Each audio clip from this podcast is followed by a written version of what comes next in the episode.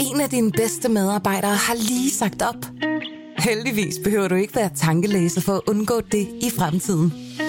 WinningTemp indsamler data gennem hyppige og anonyme medarbejderundersøgelser, så du lettere kan mærke pulsen på dine medarbejdere og støtte der, hvor der er behov. Kunder som Alfa Laval, Orkla og Volvo bruger allerede WinningTemp og ser, at det øger trivsel, reducerer turnover og hjælper med at fastholde talenter. Få gratis gennemgang allerede i dag på winningtemp.com.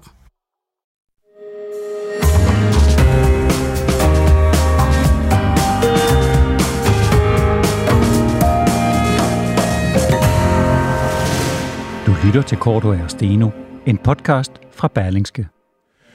Den nye SMV-regering har varslet skattelettelser og tiltag til at øge arbejdsudbuddet. Traditionelle blå mærkesager, kunne man sige, men hvor blot er de nye politiske udspil i, i, i virkeligheden? Er der tale om sådan et, et fuldstændig massive reformer, kæmpe reformer, eller er det, som øh, øh Alex Van Opslag sagde i går på, på DR, en prut i et badekar, meget malerisk? Øh, overdommeren på alt det her, det er så cheføkonom i Cepos, Mads Lundby Hansen. Han kommer til sidst, eller kommer forbi her øh, til sidst i den her anden ombæring, hvor han øh, vil komme med, med, med sin dom over den nye regeringsøkonomiske politik. Velkommen til, jeg hedder Jarl Grodova. Og mit navn er øh, Tom Steno, og vi er jo ikke sådan rigtig i mål med øh, en eller flere modtagere af 22 eller 2022's sidste fidusbremse. Men øh, vi har jo nomineret Frederiksen, Ellemann og Lykke, og øh, det er jo ikke alle, der måske synes, at det er det oplagte bud, men altså derfor så kan I lytter også stadigvæk nå at komme med jeres bud, og det gør I som altid ved at skrive til os på vores Facebook-side Cordua og Steno. Og så skal jeg også lige sige, at om ja, små 20 minutter, så kommer der en anden cheføkonom i en anden tænketank, nemlig Kraka, og fortæller om et nyt forslag, som den her nye regering jo selvfølgelig kan tage til sig, hvis den øh, skulle synes, at det var en god idé. Og det er et forslag, der går ud på at premiere dem, der ikke benytter sig af dagpengesystemet ret tit. Sådan en slang, øh, noget man kunne sammenligne med ligesom den, øh, de fordele, som en elitebilist får, når de ikke kører galt med deres øh, bil. Og cheføkonomen i Kraka, han hedder jo ikke Ulrik Bæk, ikke at forveksle den afdøde tyske filosof, og nu, og nu jeg siger det bare, fordi der er en filosof i studiet. Ja. Øh, vi skal have øh, dagens debat, og den handler og, øh, om øh, en eventuel øh, legalisering af aktiv dødshjælp. Et spørgsmål, der er nyligt aktualiseret af tv-programmet om den øh, lamme præben, der blev hjulpet til at dø i Belgien. Flere opinionsundersøgelser viser flertal blandt danskere for at indføre aktiv dødshjælp. Og nu skal jeg så byde velkommen til øh, vores debat her, og det er debattør, og, og, og det er sovnepræst ved Sognefri Kirke og psykoterapeut Anne-Sophie Lindegård. Velkommen. Tak. Og også velkommen til læge og professor i filosofi ved Københavns Universitet, Clemens Kappel. Velkommen. Tak for det. Og Anne-Sophie Lindegård, øh, du, får, du, er i, du er simpelthen imod at give en hjælpende hånd til, til sådan en som, som Preben, altså i hvert fald hvis det skal foregå her i, i landet. Ja. Hvorfor er du det? Ja. Altså jeg vil gerne starte med at sige, at jeg synes at virkelig, at det er et meget komplekst spørgsmål. Øhm, så så det, det er slet ikke enkelt det her, og derfor er det så godt, at vi tager den her debat, fordi der er så mange nuancer i det. Jo, men det bliver jo alligevel bottom line, ja eller nej? Ja, og, og mit svar er nej. Og grunden til det er, at jeg synes, øh, noget af det, der viser sig i hele spørgsmålet omkring aktiv dødshjælp, det er den her snak omkring det værdige og det uværdige liv. Og det synes jeg øh, i sig selv, altså det, det er problematisk, fordi meget af det, vi øh, dømmer som et uværdigt liv, det har det med at være det hjælpeløse, det magtesløse, der hvor vi ikke er i selvkontrol, øh, øh, hvor vi øh, ikke kan passe og soignere os selv, altså på en eller anden måde der, hvor vi ikke kan holde facaden hmm. og se ordentligt ud. Øh, og det, så, så det er som om, at det værdige, altså det uværdige, kommer til at handle om det æstetiske frem for det etiske. Og det synes jeg i sig selv er problematisk. Men, og, og hvad er det etiske ja. argument så? Jamen, altså, jeg mener, at til alle tider, at vi skal bevare liv. Altså, jeg er simpelthen bange for, hvor vi kan ende i et samfund. Jeg er bange for, at vi i, i, altså, sidst kan ende i, i et kynisk samfund. Altså hvis det glidebane-argumentet, eller hvad? Jamen, i det hele taget mener jeg ikke, og jeg mener heller ikke, at man kan pålægge andre mennesker at tage liv. Altså, vi Men kender ikke til de moralske... Hvis der nu er nogen, der godt vil gøre Prøv lige at gøre ja. færdig. Ja. Prøv at sige igen, hvad for en sætning, jeg skal gøre færdig. Jamen ellers så må vi gå over Ja. til Torben. ja. Nå, ja, okay, nu... Mm. nu, Du, der er der afbrud jo. Nå, jeg siger, når du siger, mm. at, at, øh, altså, at det er et spørgsmål om det yder og det værdige, altså det der, om der er nogen, der vil udføre det der, Ja, altså, ja. det, det er der jo ret, altså, ret klart, at det er der jo altså nogen, der gerne vil Ja. i andre lande. Må vi så ikke kan finde det her også? Det, som jeg synes, altså vi kender simpelthen ikke til de etiske og moralske konsekvenser af at pålægge mennesker og tage andre menneskers liv. Altså det, det mener jeg simpelthen ikke, at vi kan gennemskue. Og jeg er bange for, at det kan være ødelæggende også for mennesker at pålægge andre det. Øh, Så må vi have Clemens. ja. Ja, på bordet. jamen Kappel. altså, hvis vi starter med noget af det første, du sagde, det med Ja. værdighed. Mm. Altså, når man ligesom hørte Preben sige, ikke, så var det noget mm. med, at han syntes, at han var fandme træt, at han, kunne, at han ikke kunne tørre sig selv i røven. Mm. Og øh, det kan jeg sgu godt forstå. Mm. Altså, jeg tror også, at jeg ville synes, det var irriterende. Og det er et spørgsmål om, ligesom kunne tage vare på visse meget sådan intime ting i sit eget liv. Ikke? Mm. Øhm, men der er flere ting at sige til det. For det første, så, øhm, så sagde han også andre ting. Han sagde også, han var også ked af, at han kunne op i sin kone. Ja. Altså, der var mange ting i hans ja. liv, som han ligesom bare ikke synes var der mere. Så det var ikke bare et spørgsmål om en eller anden form for forfængelighed og Nej. værdighed og sådan noget. Mm. Det var, det var en ret dybfølt Mm. mm. fornemmelse af, at de ting, som gør mit liv værd at leve, det er der ligesom ikke. Men det er klart, noget af det, som han synes, hvis man lytter til, hvad han siger, som ligesom han synes var et problem, så var det sådan set den der afhængighed af andre. Ikke? Ja. Det var bare ikke det hele, men noget Nej. af det. Men der er også det ved at sige til det, det at sige til det, synes jeg, at ja, sådan er altså nogle af os, der har det. Ikke? Ja. Ja. Og det er rigtigt nok, at der findes i øh, kristen kultur, i vores kultur, sådan en idé om, at, øh, at den der forestilling om, om, om det stærke, autonome, uafhængige individ, at det på mm. en eller anden måde en fejltagelse. Vi skal ligesom forstå, at vi alle sammen er afhængige af hinanden, af mm. det store og så videre, øh, og at vi skal, det skal vi ligesom besinde os på, så når vi er i den der situation, hvor vi faktisk er afhængige, så skal vi ligesom forstå, at sådan er livet altså, mm. og derfor skal vi ikke ligesom tage mm. den nemme løsning. Ikke? Mm. Problemet er jo bare, at det er ligesom et perspektiv på tilværelsen. Mm. Og jeg synes, det er, det er helt fint, hvis nogen gerne vil have det på den måde. Mm. Så skal de bare lade være med at tage imod tilbud om aktiv dødshjælp. Jeg synes, det er meget mærkeligt at sige, at mm. landets love skal indrettes efter mm. det specifikke perspektiv. Mm. Så nævner du en hel masse andre ting. Glidebane, kan man pålægge folk de mm. her ting. Mm.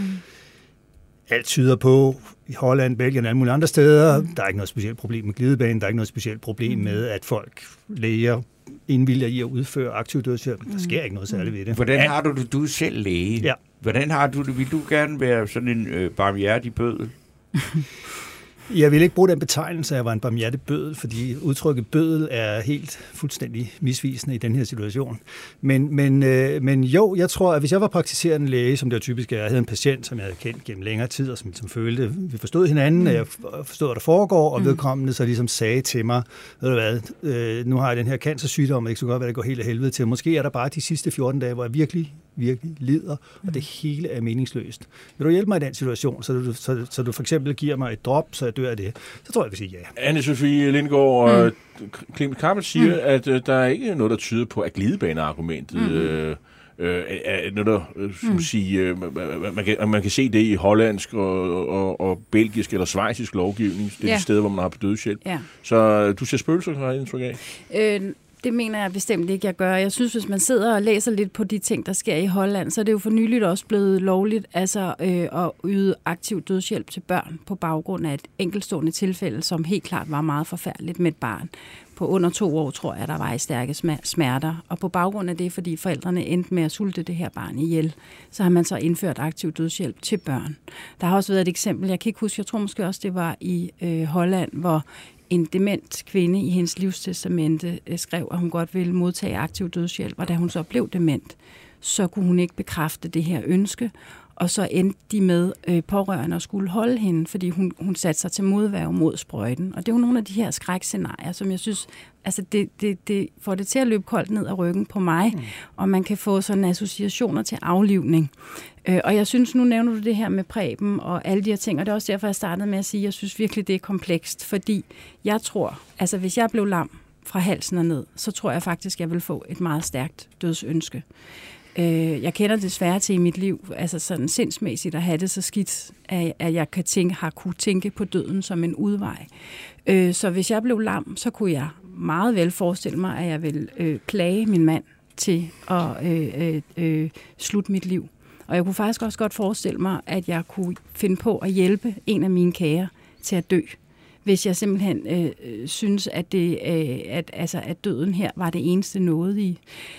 Og når jeg siger det, så, så samtidig med det, så er jeg altså også glad for, at at bo i et land, hvor det så skulle komme fra domstolen. Altså, hvor jeg måtte tage min straf, hvis vi siger, at jeg endte med for eksempel at tage min mand af dage, hvis jeg mente, at det var det mest nådige at gøre. Og det, altså, og det, jeg... hvis du tager din mand af dage som det mest nådige, så har du ligesom spurgt ham først, ikke? jo, jo, jo, det er klart. Jeg har haft lyst til at gøre ting og sager. Det kan godt være, at du har en gang imellem har tænkt, det mest nådige, det var, hvis du døde, men altså... Jeg har haft lyst til at kvæle ham mange gange. Men, om. De snakker øh, yes. om situation, hvor du ligesom har spurgt ja, ham, men det, det synes gør jeg også selv. Men, ikke? men for at sige, at det, altså, der, det er jo klart, der findes jo ikke nogen regler eller love, øh, som er, er uden undtagelser. Altså, du kan jo altid komme med eksempler, og det er jo også det, vi ser i spørgsmål om aktiv dødshjælp, at man kommer med forfærdelige eksempler, hvor man virkelig du har lige gjort det kan tænke... Som ja, argument mod at legalisere det. Jamen, det, hvor man virkelig kan tænke, at det eneste noget i her er døden. Okay. Men at bo Men... i et land, hvor det bliver lovligt at tage livet af folk, det synes jeg er uhyggeligt. Clemens Kappel, før du får, øh, for, for ordet, det skal du have, så skriver Jens Akkergren noget interessant. Han, han skriver, at de, de virker jo rimelig når en afklaret mand, som Preben selv beslutter, at han vil tage øh, sig mm. dage. Mm. Men når man ser nogle af de faktiske statistikker fra Belgien og Kanada, så synes jeg, at de virker lidt voldsomt, hvor mange der går brug for det. Og nu Jens Akkergren, ja. han nævner, at i Belgien sker 4,6 procent ja. af alle dødsfald hvert år med hjælp fra en læge, altså ved aktiv dødshjælp eller lægeassisteret selvmord. Ja, er det et højt tal, eller er det ikke et højt tal? Mm. Jeg tror, at hvis man gør tallet op, hvor mange tilfælde af passiv dødshjælp der sker mm. i Holland, altså mm. situationer, hvor læger på en eller anden måde bidrager til, at patienter dør, men ikke ved aktiv dødshjælp, så tror jeg, at tallet er, jeg vil gætte på, at det er 20-30 procent. Og jeg vil gætte på, at i Danmark er tallet præcis det samme.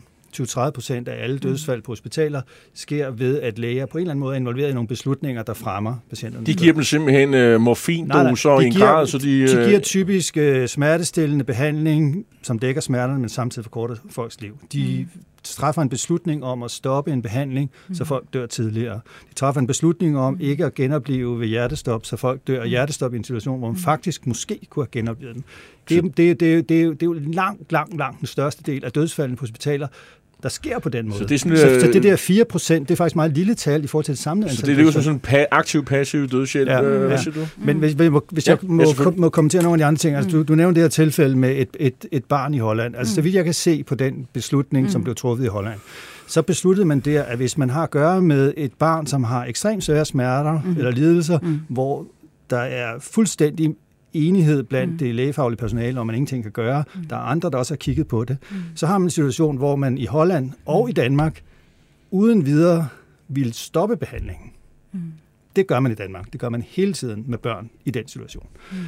Det man så også har gjort i Holland, det har man sagt, okay, i, de, i den situation, hvor man nu er sådan der ville stoppe behandlingen og vente på, at barnet dør, der skal det også være til at faktisk ikke bare stoppe behandlingen, men simpelthen at udføre tilfælde af dødshjælp. Mm. Så hvis du synes, det er en helt forfærdelig situation, at barnet dør i den situation, så skal du altså se på, hvad der foregår i Danmark. Mm. Der foregår præcis det samme, mm. bare med passiv dødshjælp.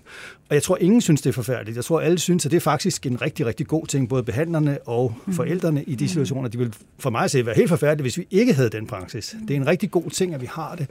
Den altså, eneste forskel på Danmark og Holland, ja, den ja. eneste forskel på Danmark og Holland i netop det her tilfælde, det er sådan set, at i Danmark lader vi børnene dø passivt, mm. så godt man nu kan. Mm. I, I Holland tillader man så nu øh, en form for aktiv intervention. Ikke? Mm. Det er den eneste forskel. Mm.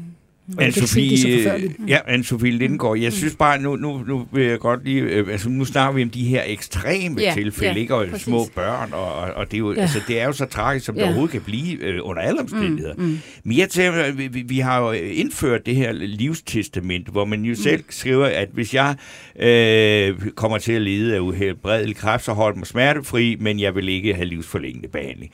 Altså, og vi, vi ved, at... Øh, at vi har en aldrende befolkning, og den er dyr, den er behandlingskrævende, mm. og vi får flere og flere demente. Mm. Kunne man ikke lave, også lave noget tilsvarende, hvor man siger, Øh, hvis jeg, og nu når du lige nævnte, at hun ville ja. ikke lade sig aflive hende her, men, ja. men, men selv har skrevet under på at sige, hvis jeg bliver så dement, mm. at jeg ikke kan kende min egen familie, mm. at mi, hver evig eneste værtrækning over, der kommer ud af mig, er totalt meningsløst, så vil jeg gerne aflives. Mm. Altså, fordi det vil være gavne alle, det vil gavne statskassen, det vil, øh, altså, at man simpelthen siger, demens, det er et problem, der bliver større og større, mm. og, og rent teknologisk, og det er jo måske også det, altså det har jo ikke Bibelen, der har forudset, at man er i stand til at holde mm. folk i live mm. fysisk helt vanvittig lang tid. Mm.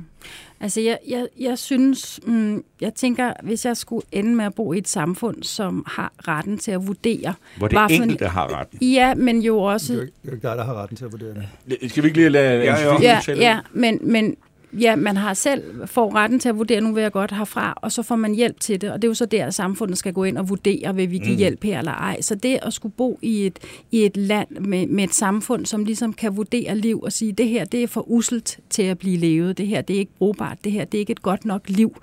Øh, det, det, det, det synes jeg er, altså det er, det er simpelthen et skred på en eller anden måde i samfundets ethos, altså, som, som må have, altid må... Altså jeg mener, at jeg er simpelthen bange for, at vi mister nogle af vores pejlemærker i livet. Jamen, du Altså, siger, hvis vi... vi- selvfølgelig er det et skred, men hvad Ja. er det for nogle... sk- Hvad er det for, hvad dårlige ved det skred? Det dårlige er, at øh, altså for eksempel, hvis man, hvis man ser på selvmord, når mennesker tager deres liv, så ved de også, at det er forkert. Jeg vil ikke fordømme selvmord. Øh, og jeg synes faktisk, det er godt, at, man, at mennesket har frihed til at gøre det. Men jeg synes også, det er rigtig godt, at vi ikke har lov til at gøre det. Vi har ikke lov til at tage vores eget liv. Øh, og, og, jeg, og, og det er vigtige pejlemærker. Altså, jeg har siddet på livslinjen for øh, telefonrådgivning for selvmordstroede og talt med mange mennesker, der har prøvet eller har ønsker om det. Og de er godt klar over, at det er forkert, at det må man ikke. Og det er det, jeg synes er så vigtigt, at vi som samfund skal holde fast i, at man må ikke slå ihjel. Clemens Kappel. Ja, forskellige ting. Altså, øhm, det første, du siger med, nu skal vi have et samfund, hvor vi ligesom, samfundet tager stilling til, om folks, mm. om, om folks liv er værd at leve, mm. når vi skal vurdere, om vi tager mødekommer et ønske om aktiv dødshjælp. Altså, det, altså, som det er nu, så har man en klar ret til at sige nej til livsforlængende mm. behandling. Mm. Og det imødekommer samfundet så. Mm. Medmindre man ligesom skønner folk er skøre, ikke? så imødekommer man det ikke. Jo. Så den der vurdering mm. af, om man skal imødekomme eller ikke imødekomme, den har vi. Mm. Og den fungerer fint. Mm. Altså dengang, da, da, da, da princippet om selvbestemmelse til patienter ligesom mm. blev knæsat i sundhedsvæsenet i Danmark, der var der masser af ballade om. Der var masser af mennesker, der sagde, at det kan folk overhovedet ikke administrere, og så skal de have alle mulige informationer om, hvor syge de er, og springe ud af vinduet, og alt den slags ting. Det var helt almindeligt. Men sagen er, at der faktisk ikke sket noget særligt. Det går fint. Med den passive dødshjælp. Ja, Ja.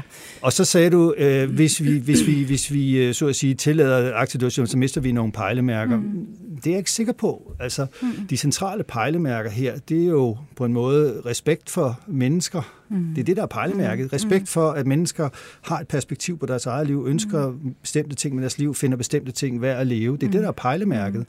Og det er det pejlemærke, vi holder fast i. Og det er derfor, at den her diskussion omkring øh, legalisering af aktiv dødshjælp kommer op. Øh, så, Og- så jeg er ikke rigtig enig i. Nej, Anne-Sophie nej. Og der vil, der vil jeg sige, at altså det, og det handler jo selvfølgelig også om mit, mit menneskesyn her, at jeg som præst gennem 12 år har talt med mennesker, som har oplevet forfærdelige, forfærdelige ting. Altså øh, forældre, der har oplevet, at deres børn blev misbrugt gennem år. Mennesker, der har siddet inde og afsonet straffe for forfærdelige ting, de har gjort, og haft en stærkt øh, selvskadende adfærd efterfølgende.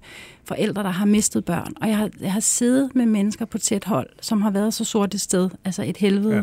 Og, og, og, ligesom, og jeg i min stol har siddet og tænkt, der er ikke mere her. Det slutter her. Altså, hvordan skal livet overhovedet fortsætte ja. efter det? Og jeg har fulgt mennesker gennem år i samtaler og set det utrolige ske for mine øjne, at der kan findes noget liv på den anden side af det, vi tror er slut og er sort. Og, og det for lige at gøre det færdigt. Altså, at det, det, det det her med, at, at vi som mennesker er jo væsener, der hele tiden forholder os til os selv. Vi er hele tiden i en proces. Så sådan som jeg har det med mig selv i dag, det er ikke det samme. Det er, det er ikke den samme måde, jeg har det om to uger eller om to år. Så hvis jeg blev lam fra halsen og ned som præben, øh, så vil det ikke ændre sig jo, at det jeg var lam med mit selvforhold, mener jeg hele tiden er i proces. Så vi kan simpelthen ikke vide, hvor er jeg om to år i mit selvforhold. Og, og der mener jeg, at det, og, altså det er så definitivt at så sige, jeg vil dø, og til med få hjælp til det, fordi der er en fremtid, vi simpelthen ikke kender. Afslut det kort. Ja, altså, jeg mener ligesom dig, at hvis man har at gøre med mennesker, som, hvor der er mistanke om, at de har en depression, mm. og derfor ønsker at dø, mm. så skal man ikke imødekomme ønsket, Nej, så nej. man behandle deres depression. Men den anden ting, det er det her med selvforholdet. Altså, det er jo fuldstændig rigtigt, at nogle mennesker i Præbens situation. Mm. De er i dyb krise, mm. men så kommer de så over, så har de sådan set et, et liv, de er glade for. Mm. Mm. Men der er så nogle mennesker, der ikke gør. Ja. Og jeg Men tror ikke, jeg tror ikke, nej, men du kan heller ikke vide det. Så Nej. du kan heller ikke vide, Nej. du kan, du kan heller ikke sige til Preben, nu skal du bare høre, hold ud Preben, Nej. fordi, fordi så, så bliver det sgu godt en dag. Det vil jeg heller aldrig sige. Nej, det vil men være det er lidt det, du siger nu. Det at, siger jeg øh, nu at på skal- baggrund af en erfaring, jeg har. Jeg vil Ja, så aldrig du sidde og pådute Så du det. Jeg vil aldrig proppe håb ned i halsen på folk, for det mener jeg simpelthen er så forkert. Nej, men du siger, Preben skal sådan set ikke have lov til at få sit ønske opfyldt, fordi du kender mennesker, som har skiftet mening. Ja, Uenighed, Ja. at vi uenigheden kan ikke, består. vi kender ikke os selv fuldt ud. Uenigheden Nej, men består. den risiko tager Preben. Ja. Vi- ja, og det er en kæmpe risiko. Okay, Tak. øh, Tak til jer begge to. Tak til Clemens Kappel. Og tak til dig, anne Sofie Lindegaard, fordi I tog Jamen, den her tak svære øh, og nu Ja, igen jeg aktuel vil gerne debat. fortsætte. Det bliver nok ikke øh, sidste gang. Vi er desværre ikke mere Nej, tid. Der er nej. også andre ting på programmet. Ja. Tak fordi I kom.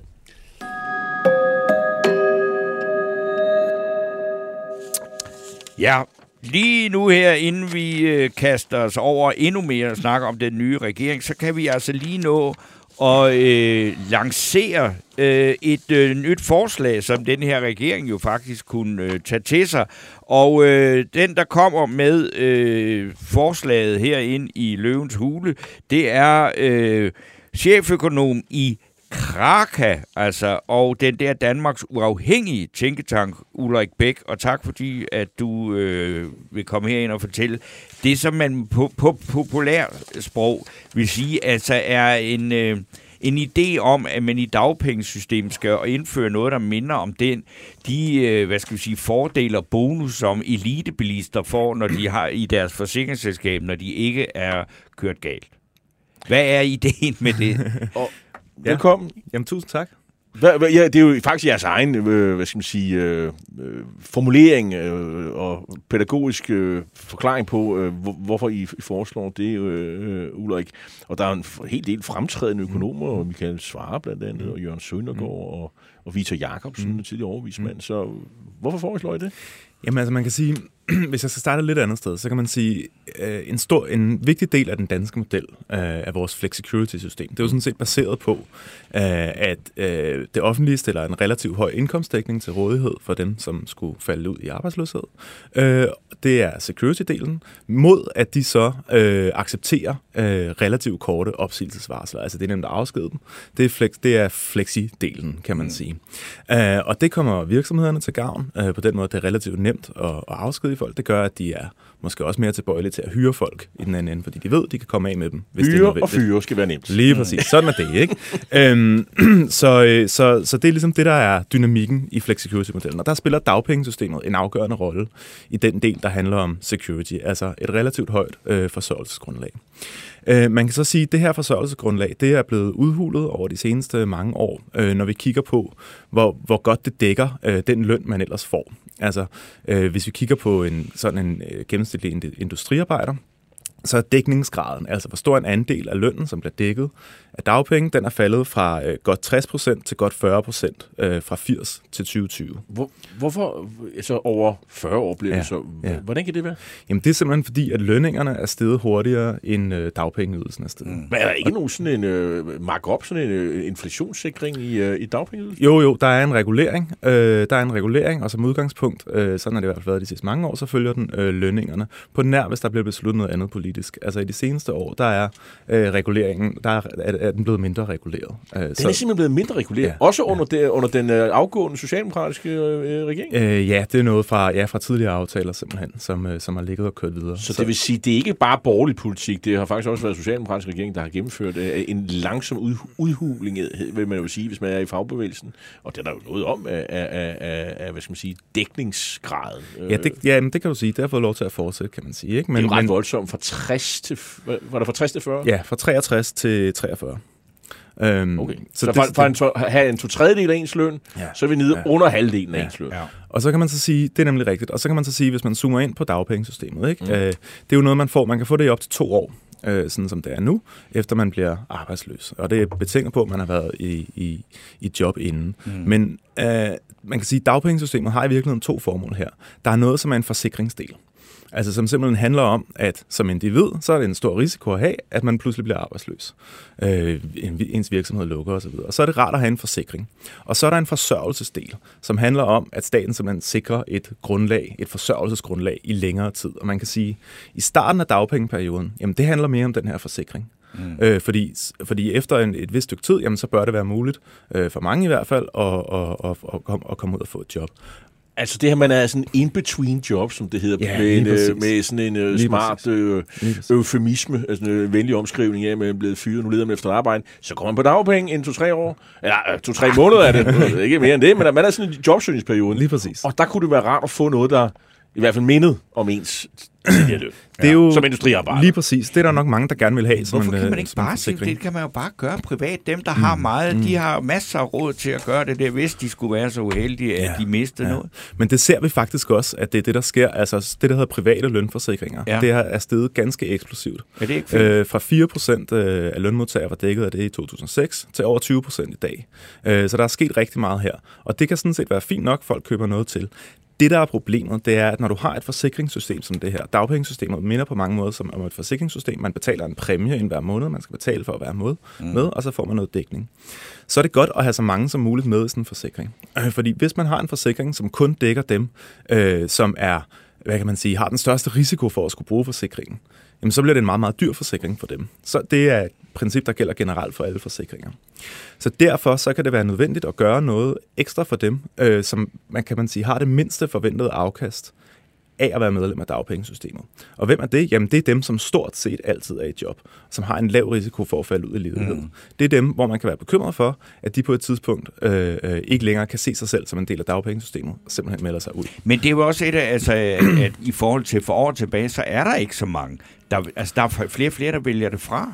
Fordi det, det her, det rammer ikke mig. Ja, det er rigtigt. Vi, vi, der er en, et lille fald i, øh, i, i, hvad kan man sige, andelen, der er medlem af dagpengesystemet. Det er ikke så stort et fald endnu, men det er jo, det er jo, det er jo sådan noget, man kan frygte, især når, når vi har set den her stigning i, øh, i, i lønforsikringer ved siden af. Men så, så vil jeg sige, dem, der er, er i fare for det, og, som, Mhm. mm. altså, ja, altså, øh, og det er, jo, det er jo igen, det er, altså, dem, der primært ryger ud og benytter sig af systemet, det er lavtlønsafdelingen, ikke? Øh, som benytter sig af dagpengene. Ja, det er dem, der, ja, det er dem som ti, altså, og, altså, er forsikret af det, og er mest afhængige af det, og det er så også dem, der får mindst. Øh, øh, Sådan er det jo. Altså får mindst. Altså, Altså, ja, altså de får, det, de får minimumsbeløbet som regel, ikke? Fordi hvis du forlader et, et job, øh, et lavt lønsjob, så, så, så er forskellen, det er jo det med hele tiden at sige, så er forskellen jo ikke så stor. Så er forskellen ikke så stor. Nej, der er også det her med dagpengesystemet. Der er sådan en max, sats, max grænse simpelthen på, hvor mange dagpenge du kan få. Ikke? Ja. Øh, øh, normalt kan man, man kan få op til, øh, jeg mener det er 80 procent af, af, af, af lønnen, men med et max grænse på, på, på, på knap 20.000 kroner om måneden. Ikke? Så når ens løn er større end det, jamen, så får man bare... Øh, Ja. så får man bare den her grænse. Ikke? Øh, En anden ting, man kunne pege på, øh, jo, det er sådan helt irrelevant, men, øh, men, men, man får dagpenge, så får man jo ikke beskæftigelsesfradrag. Det er korrekt. Ja. Og det betyder, det gør det, altså så, det er vel et eller andet sted også sådan en, der, altså, der er meget stor forskel, ikke? Det er klart. Altså, På det at skal man være selvfølgelig... i- uden for job og, og så at gå på dagpenge. Det, Det skal der vel også være et eller andet sted. Ja, jamen, jamen, det er rigtigt. Altså, det, man skal selvfølgelig gøre det her regnstykke op på den rigtige måde. Ikke? Det er klart. Øh, det må være minimum. Men man kan sige, at det, som vores forslag er rettet mod, det er jo netop den her gruppe, som har det mindste, den mindste tilskyndelse til at være en del af dagpengesystemet. Det er dem, som stort set altid er i beskæftigelse. Mm.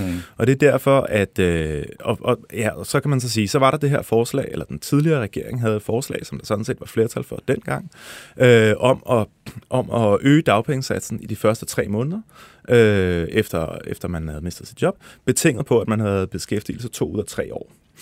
Øh, så kan man sige, øh, det her, det, det er jo sådan et forslag, det ligger sig et sted på spektret i forhold til, handler det om forsikring, handler det om ren forsørgelse. Øh, det vi sådan set bare går ind og påpeger her, det er, at der er jo en stilleskrue, som er det her med at sige, hvor, hvor, hvor stor, altså er det to ud af tre år, af, var det beskæftigelseskrav, de havde. Hvis man skruer på det, vi, vores konkrete forslag er op til to år og ni måneder, altså man skal have været i beskæftigelse de sidste to år og ni mm. måneder ud af de seneste tre år, øh, så rammer man mere rent det her forsikringselement, fordi man rammer mere rent dem, som stort set altid er i Det er sjovt, I tæller det, alt, I tæller det faktisk mere i måneder end i år. Så vi sige, tre år, det er jo 36 måneder. Ja, ja. Så lad os regne i måneder, det er Ja, nok det, det ja, for det kan at illustrere det. Og der var regeringens forslag, okay, hvis man har beskæftigelse i 24 ud af 36 måneder, ja. så kunne man få lov til at og, og, og få de her øh, fulde dagpenge, mm. eller penge, gode dagpenge, mm. højere dagpenge, mm. i, i tre måneder, hvor I siger, jamen, ah, øh, 24 ud af 6, det er måske lige 32 ud af 36. Øh, det jeg bliver det vel så. 3, 33. 33 ud af 9. Ja, det er endnu mere. 33 ud af 36. Ja, ja. Så det er, jo, det er jo ikke mange måneder, hvor man kan få lov til at gå arbejdsløs for at få den her præmie. Det er, Nej, men det, det er nemlig rigtigt, og der er jo ikke noget... Altså man kan også sige, når vi gør det her, jamen så øh, er det under halvdelen af, af, af, det oprindelige forslags antal personer, som vil få det. Altså, øh, det er simpelthen mange færre personer, der vil få det. Vi er nede på 21.000, det oprindelige forslag, vurderet 55.000 personer. Jeg vil så sige, der er jo heller ikke noget magisk ved de to år og ni måneder, altså de 33 måneder.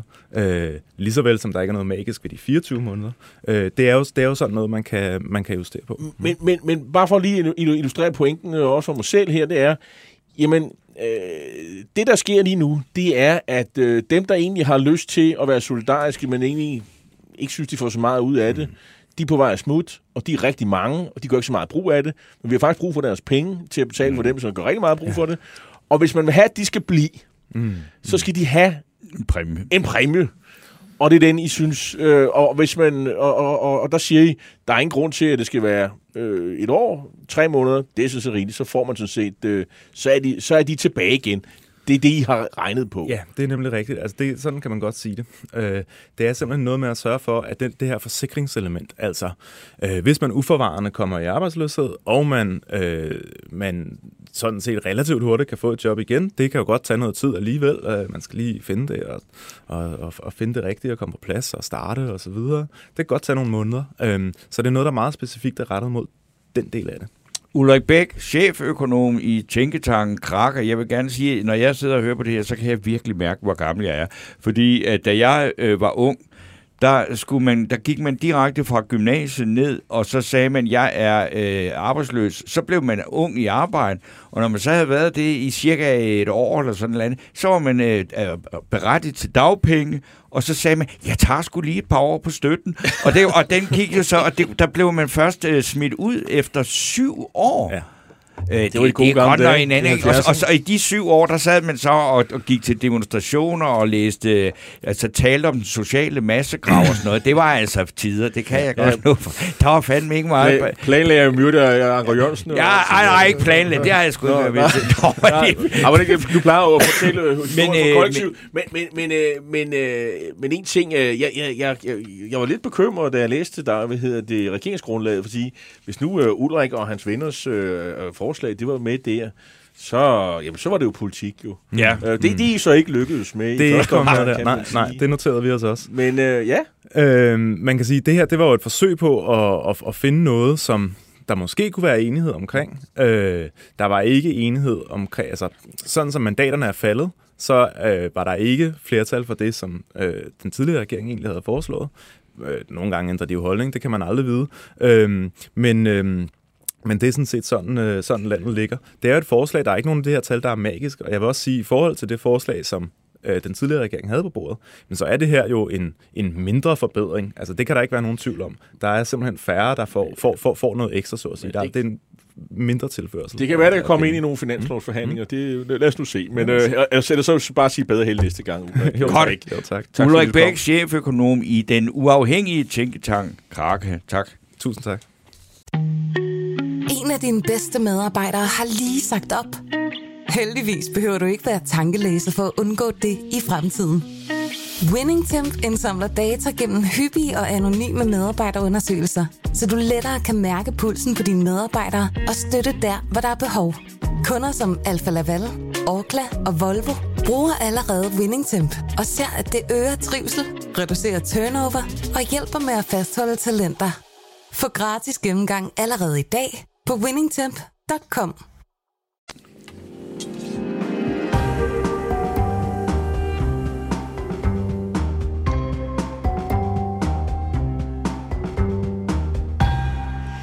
Oven på øh, den her lille, øh, eller det her lille indslag fra øh, om, om dagpengesystemet, så, øh, og det, det ligger sådan også lidt til det, øh, vi skal snakke med Mads Lundby om. Jeg, jeg lagde mærke til i går, at en af tv-stationerne var ude på en byggeplads, mm. og der talte de med, jeg tror det var en øh, VVS-medarbejder, om hvad han synes om, at, øh, at det her top-top-skat, og han heller ikke skulle af med topskat, det var han skulle nærmest ligeglad med. Han synes, at det var fint nok, at han betalte topskat under de nuværende øh, betingelser, fordi så kunne de gå til de svage og de fattigste i samfundet. Så, sagde, så var der også, jamen, og, og så bliver der noget med dit beskæftigelsesfradrag, så, at det bliver øh, øget, og så, sagde, øh, og så sagde han, hvor meget er det? 1800 kroner om året. Ah, hvad rager det mig? Altså, han var fuldstændig ligeglad. Og 1800 kroner, det er også, sige, hvis man i forvejen er en håndværker, der er oppe betalt topskat, så er 1800 kroner. Altså, det er nogle meget, meget små beløb, øh, hvor jeg så siger, hvor mange hvor meget virker de her ting øh, i forhold til det, man vil fremme? Udover altså, at, at, at 1800 kroner om, om året, det er altså ikke ret mange penge. Øh, nej, det, det er det ikke. Øh, men... Øh, øh, Jamen det er det, du, du er jo økonom og ved sådan noget om, Prøv, hvordan man ja, laver de her... Jo, jo. Og der men, er altså, man, man kan, og man sådan kan noget, jo, ikke? Man kan jo ikke sådan... Øh, øh, når man laver modelberegninger, så kan man jo faktisk, så har man jo faktisk noget historiske data, hvor man jo kan se, hvordan folk de reagerer. Altså, der, altså, der er jo fyldt med sådan noget anekdotisk øh, evidens øh, øh, i artikler. Jeg, jeg, jeg kan se uh, Rune Selsing, der er selv økonom, han, han, han, han, i det interview, som uh, Troels Heer har lavet i Berlingske i dag, der sidder han jo også og, og underholder med at det her med, at han synes, at regeringen er åndløs, og, og, og, han øh, mener, at han, øh, de, han, han tvivler på, at der er sådan, øh, de reagerer på økonomiske argumenter. Så, så der er selv økonomer, der ikke mener at det. Men Finansministeriets regnemaskine har jo historiske data. Der kan man jo se, hvordan øh, folk reagerer på økonomiske incitamenter. Altså, det, det er prissignaler og alt det her. Øh, men så kan det godt være, at du og jeg ikke reagerer på det, men det kan man jo se over tid, om, om det sker i virkeligheden. Og så er der jo også det her med, det er jo meget populært at sige, at jeg reagerer jo ikke på, øh, at jeg får øh, x antal kroner mere eller mindre i lommen. Øh, nej, men øh, de historiske data på en befolkning siger, at det gør du nok alligevel. Øh, men så kan alle jo sidde og sige, jeg er da ligeglad med, at jeg skal betale 100 kroner mere i, i, i flyafgift, øh, øh, hver gang jeg skal ud og rejse, så det får ikke mig til at flyve mindre. Det, det er der mange, der siger, nej, men der skal nok være nogen derude, som alligevel kigger øh, på priserne og siger, den der ferie, hvor jeg skal rejse langt væk, den bliver måske ikke så lang, øh, fordi øh, sammenlagt, så synes jeg, det er blevet for dyrt.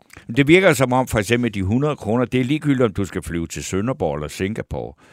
Øh, og, og så kan man sige, så ved jeg ikke rigtig, hvor, hvor meget det har, fordi det er jo ikke, det er jo ikke en procentsats af billettens samlede pris. Nej, nej, nej, men altså, det er jo, igen, altså, nu går du sådan ind i marginalt og sådan noget, det, det kan være sådan de samlede omkostninger og så videre. Altså, man, det, er jo, det er jo lidt svært at forklare. Jamen, jeg tror, øh, det, det vil gå ud over indrigsflyvningen. Men, men, det er måske men, også men, meningen. Men, det er jo meningen, at færre skal flyve, det er jo det. Og så er der selvfølgelig også et proveny, man kan bruge til at gøre, hvad det er, indkøbe lav, lavbundsområder, så man kan fritlægge dem og opsyge noget CO2. Der er, jo, der er jo virkelig mange ting i det her. Øh, øh, vi venter lidt på øh, Mads øh, Lundby, som plejer at være meget Ja, ja, præcis, men det går nok. Men han, øh, han er blevet en lille smule forsinket. Men, og, øh, øh, vi, vi, vi, men han skal nok komme. Altså, der er jo masser af, af hvad skal vi sige, af stof og guffe på fra den her øh, Ja, nyudnævnte øh, øh, regering, ikke?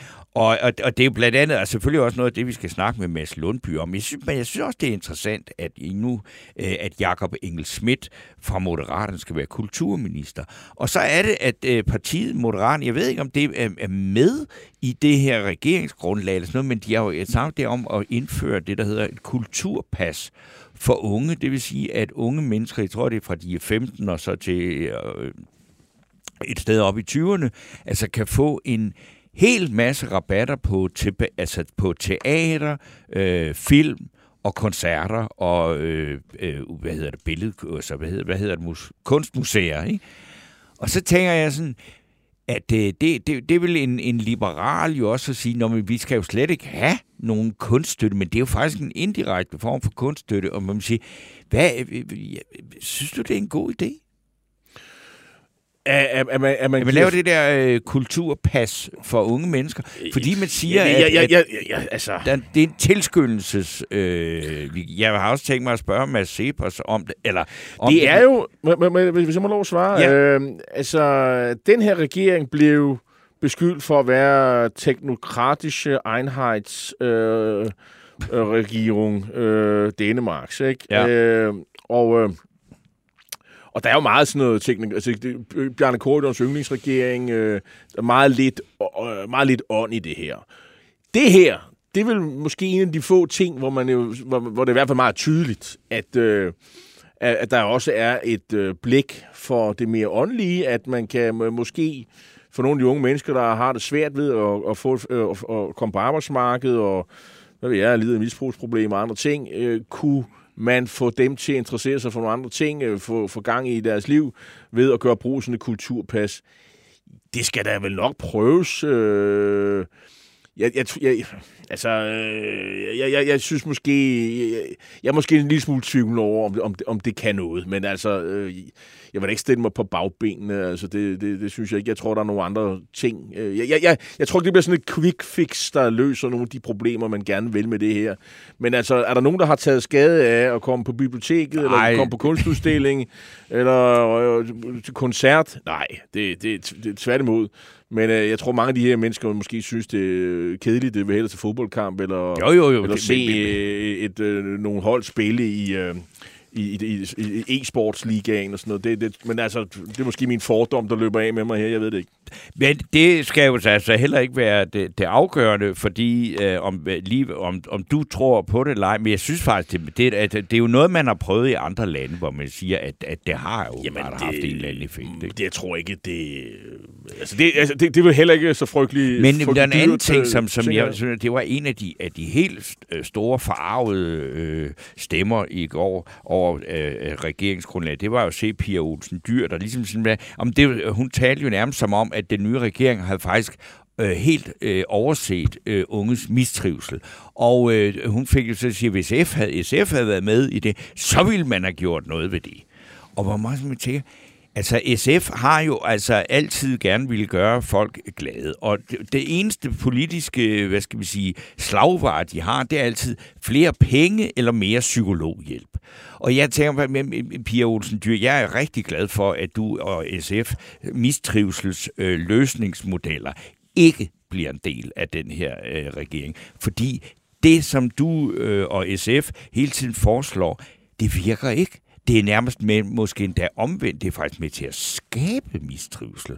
Fordi at øh, det, som vi, vi, vi, vi øh, har af, af problemer med unge, unge mennesker, der bliver man jo også nødt til at se på, hvorfor de er kommet. Og der er der jo visse, også på, på, for eksempel på venstrefløjen, som her, det er sådan noget med karakterræs. Altså øh, helt ærligt, jeg tror, det er meget, meget mere komplekst. Og er der noget, jeg ikke tror på, så er det, at psykologhjælp er vejen ud af det kan øh, mistrivsel. løse mange problemer. Men øh, nu skal det var vi, bare lige øh, det, Fra psykologhjælp skal vi have noget økonomhjælp. Øh, hjælp.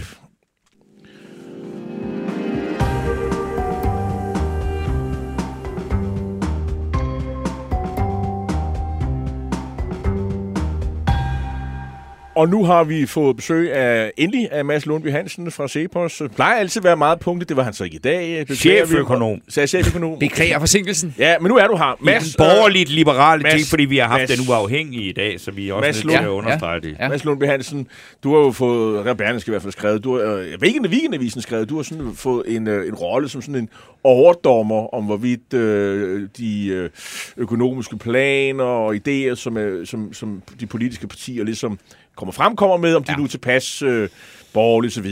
Mm. Hvad mener du om SMV-regeringen, øh, eller SVM-regeringen, eller hvad vi skal kalde? AVM. øh, ø- økonomiske politik.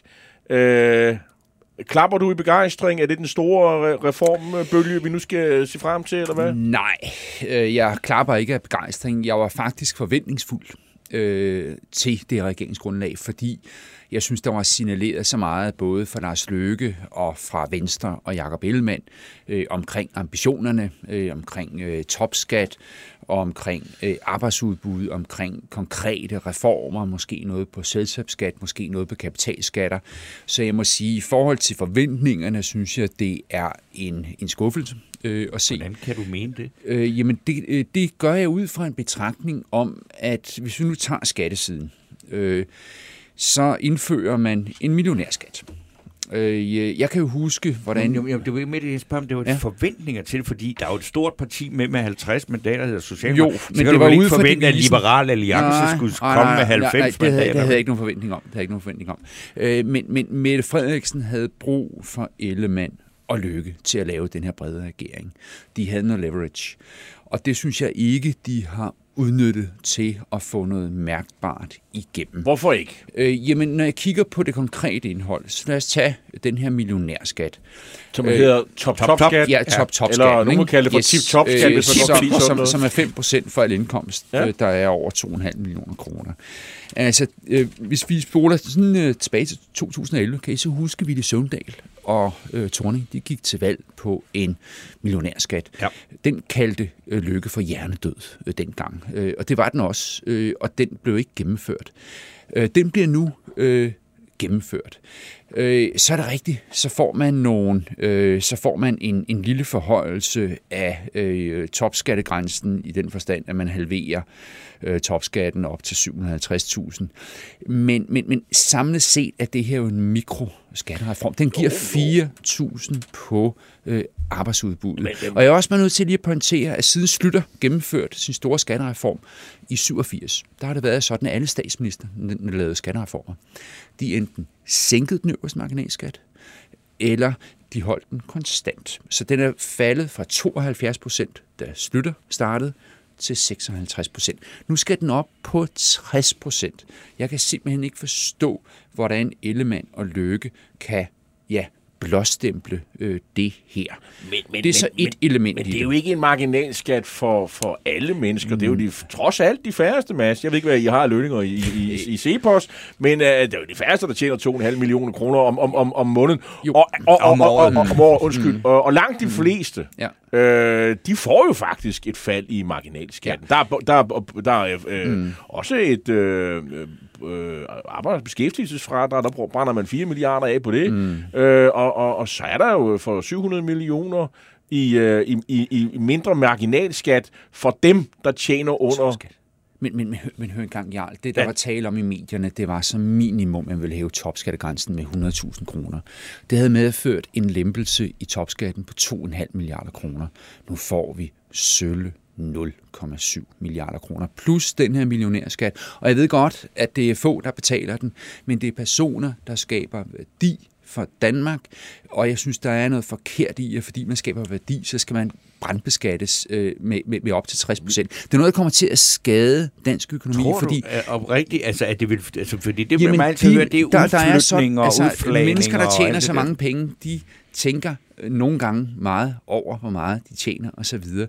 så det her, det er øh, simpelthen flyrampen øh, til øh, Schweiz og andre lande. Jeg siger Tror ikke, du virkelig? Øh, vi bliver ikke noget fattigt land af det, men det er den helt forkerte vej at gå. Når man har banket marginalskat ned fra 72 til 56 procent, og det er så svært at gøre, så skal man ikke gå den modsatte vej. Og her der er jeg helt uforstående over for, Ellemann øh, og Lykke kunne blåstemme det. Når jeg så kigger på det skattestop, de begynder at tale om, ikke? Ja, skattestop. Det, jo det, intet, det, det er jo tom retorik. Hvorfor er det det? Fordi der står skattestop. Det er så det eneste skattestop, der er i det.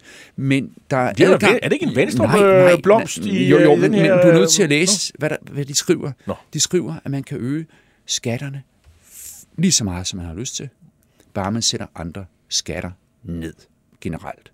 Og det var ikke det få skattestop gik ud på. Få skattestop, det var en garanti for her og for Danmark, for at der ikke lige kom en højere afgift på øh, glødepærer eller på sodavand eller på øl en sen øh, nattetime. Den garanti er væk. Derudover for erhvervslivet, der står der, at øh, hvis man hæver erhvervsskatter, så skal pengene føres tilbage til erhvervslivet ikke nødvendigvis via lavere skatter. Så der kan man bare gennemføre nogle, nogle der kan man lave nogle offentlige udgifter, øh, subsidier og statsstøtte, som erhvervslivet får. Øh, få skattestop øh, var en garanti mod skattestigninger. Det var kun, hvis det var bidende nødvendigt, at man kunne sætte skatterne op. Så er jeg også meget bekymret over at se ministerudnævnelsen i dag. Jeg er fuldstændig forundret over, at Jakob Ellemann han sætter sig i Forsvarsministeriet. Som Anders Fogh sagde på Venstres landsmøde, at Ellemann skal selvfølgelig gøre krav på Finansministeriet. Ellemann han transporterer sig nu længst muligt væk fra, øh, fra den økonomiske politik. Det samme gør Lykke. Han sætter sig på en flyver til, øh, til Washington med videre. Så, øh, og så sidder Mette Frederiksen på statsministeriet og på finansministeriet. Hun har fuldstændig kontrol øh, med regeringsapparatet.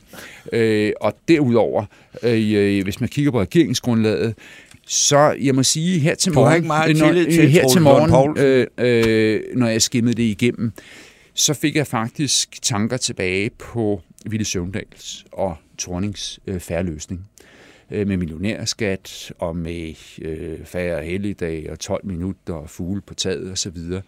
Der er bestemt positive elementer øh, i regeringsgrundlaget. Det vil jeg gerne fremhæve. Man skærer på jobcentrene, noget vi har anbefalet i mange, mange år.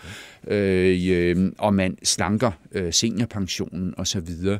Men det overordnede billede er egentlig set fra mit perspektiv, at det her, det behøvede man ikke at gå i regering for. Det kunne man få hen ad vejen. Og jeg har den påstand, at vi havde aldrig set millionærskatten, hvis vi havde haft en blå regering eller en ren rød regering. Nej, det er klart. Altså, Så millionærskatten men det er jo også en mellemting. Millionærskatten Eller er udkommet af, top- topskatten. øh, af øh, Lykke og Ellemann er gået Toppe i tip, regering. topskatten. Men jeg Men- håber, de besinder sig. Jeg håber, de besinder Ja. sig. Lad mig lige nævne, at vismændene regnede på Tornings millionærskat og fandt ud af, at det gav et mindre proveny til øh, staten. Så, Det er simpelthen øh, negativt. det var simpelthen negativt. Så det er simpelthen skadelig symbolpolitik med, Men det er jo Lars med flere årtiers øh, Det er jo, det er jo Lars Lykkes. Er, er, er det, og nu, nu, nu har du studeret de ting mere mig. Mhm. Altså, er, er, det ikke øh, noget, er det ikke noget fra hans skatteforslag, som, Nej. som, som overlevede i, som, fra valgkampen, jo, som overlevede? Jo, i retorikken, det er ligesom med skattestoppet. Altså Lykkes øh, Ja, der talte han også om top-top-skat. Ja, ja han top, ikke det? top-skat. Hør nu her, det gik ud på, at hvis man rundede 800.000 cirka, øh, så mistede man sit personfradrag. Det kostede en 17.000 kroner. Men man skal lige huske, at man fik afviklet topskatten. Så de mennesker, der tjente så meget, de tjente fantastisk på, øh, på Lykkes skattereform. Så det, det, var, det var tom retorik. Altså Lykkes skattereform sænkede den øverste marginalskat øh, i, med det, der svarer til topskatten. Så det var faktisk bedre. Øh, det var langt, langt bedre. Han havde så noget Georg Gerløs omkring lønsumsafgift, som betød, at en Okay, ja, LO-arbejder det, det, det er penge. Så det her, så det her, det er, det er en Men Jeg vil social, lige minde jeres mange lytter om det. Ja. det er en socialdemokratisk øh, titel, det her. Det, det, det, det kan du, Øh, som ikke er blevet luet ud. Millionærskatten, det er godt nok Jeg hører for- øh, en Må kæmpe jeg ikke fejl. lige høre, hvad, hvad, hvad siger Ja. ja. Altså, øh, jeg synes, at øh, jeg, jeg forstår simpelthen, men det er meget, jeg ikke forstår, men hvorfor folk flipper sådan ud Jeg over, at, at man, nej, nej, men at man øh, inddrager stor bededag og gør den til en arbejdsdag, og, og siger, at det er en måde at finansiere noget på, og det er der også en måde arbejdsudbud og alt. Jo, jo. Altså, øh, jamen, hvad siger du til det?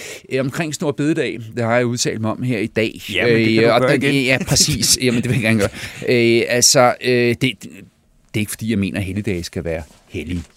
Øh, men jeg er lidt tvivlende øh, i forhold til den effektive effekt. Det er rigtigt, at hvis man per lov øh, fjerner øh, den der store bededag, at vi alle sammen skal arbejde, så giver det på papiret måske over 10.000 i arbejdsudbud. Men jeg har, en, jeg har den opfattelse, at lønmodtagere på sigt og strukturelt arbejder ud fra, hvad de får ud af det efter skat.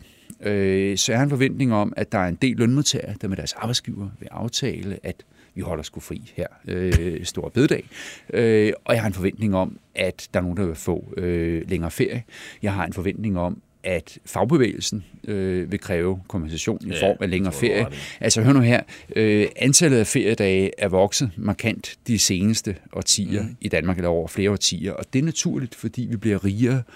Ja, og når vi jo bliver rigere så kan man jo- godt jo lide det, der er godt. arbejde, så kan man godt lide det, der er dejligt, og det er fritid. Ja. Så jeg, jeg har svært ved at se, at fagbevægelsen lige pludselig skulle begynde at gå den anden vej og reducere antallet af helligdage og, og feriedage. det gode ved at holde fri, det er, at det skal man ikke betale skat af. Det er jo Nej. I modsætning til indkomst. Ja, ja, Og præcis, det, præcis, Så præcis. det, så det, men, Ja, og, ja. og, men uh, Mads Lundby Hansen, Hansen, Ja. tusind tak, fordi du kom, kom endnu en gang. denne Og, øh, sygespidse dom. Du, øh, du må godt blive stående her. Om, Ja. ja. Du har ikke nogen indflydelse. Men øh, det, vi skal til nu, det er, at vi... Øh, vi skal simpelthen finde ud af om ugens fidusbamse, og jeg synes, hvem der skal have den. Og jeg har lagt mærke til øh, her, som godt jeg nu har kunne følge med, at lytterne ikke rigtig... Øh, er, der er ikke hverken for eller imod, så der er, vi, der er ikke andre nomineret end Lykke, øh, Ellemann og Frederiksen for egentlig faktisk har lavet en regering i at, at skabe, jeg synes, en formidabel jeg, god stemning Jeg, jeg vil gerne, det altså, jeg, jeg deler jo øh,